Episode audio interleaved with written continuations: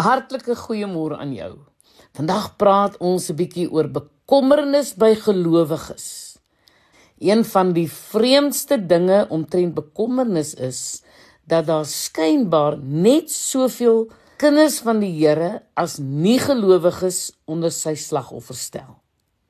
Hoeveel Christene ken jy wat bekend is vir hulle gladde voorkoppe en rustige geaardheid? Nou ja, as daar geen God is wat die sake van jou lewe beheer nie, moet jy jou natuurlik maar liewer oor die toekoms kwel.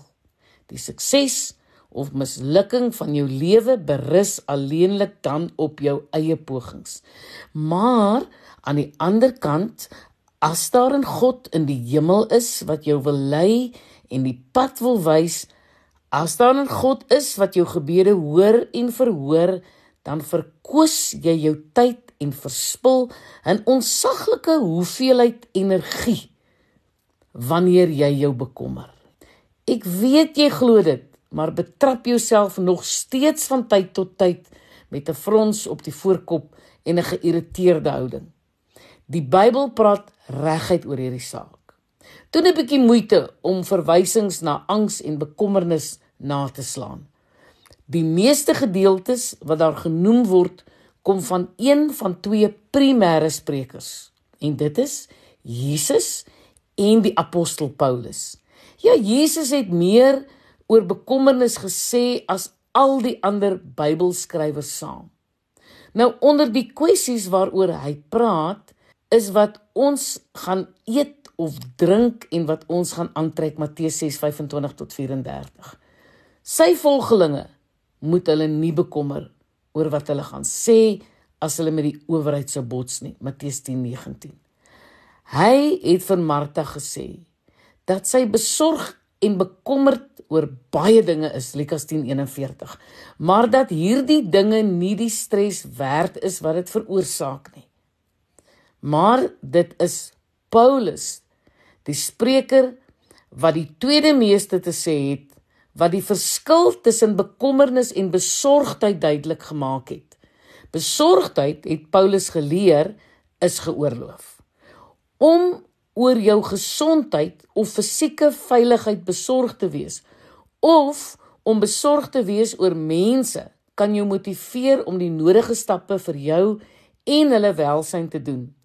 Bekommernis daarenteen is die aanhoudende knaande verlammende besorgdheid oor iets waarin jy gewoonlik niks kan doen nie. En deel van die rede waarom dit moeilik is om tussen die twee te onderskei is dat die grens tussen besorgdheid en bekommernis baie dun is. Kyk, Jesus sê dat ons nie ons moet bekommer oor wat ons drink nie of oor ons liggame nie of oor wat ons moet aantrek nie, want die lewe is belangriker as kos en die liggaam as klere. Dan kan ek sommer sien man hoe Jesus na die voëls wat oor die velde van Galilea vlieg en sê Kyk na die wilde voëls. Hulle saai nie en hulle oes nie en hulle maak nie in skure bymekaar nie. Julle hemelse Vader sorg vir hulle. Is julle dan nou nie meer werd as hulle nie?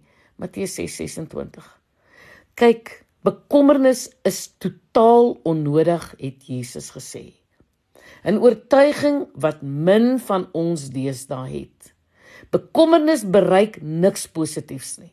Inteendeel dit ontneem ons ons broodnodige slaap. Dit verkoos ons energie en dit maak ons moeg. Soos 'n stikkende musiekplaat wat dieselfde krapperige snit oor en oor speel, beset bekommernis ons gemoed met onproduktiewe gedagtes. Dit verhinder ons om produktiewe oplossings te soek en dit verander nooit enige iets nie. Ag wil jy nie vanoggend God op sy woord neem. Jesus se beloftes jou beloftes maak en al jou bekommernisse op hom werp nie. Vertrou hom sodat jy in vrede en met liefde en in oorgawe die lewe kan geniet. Ek is Lenet Beer for Radio Council.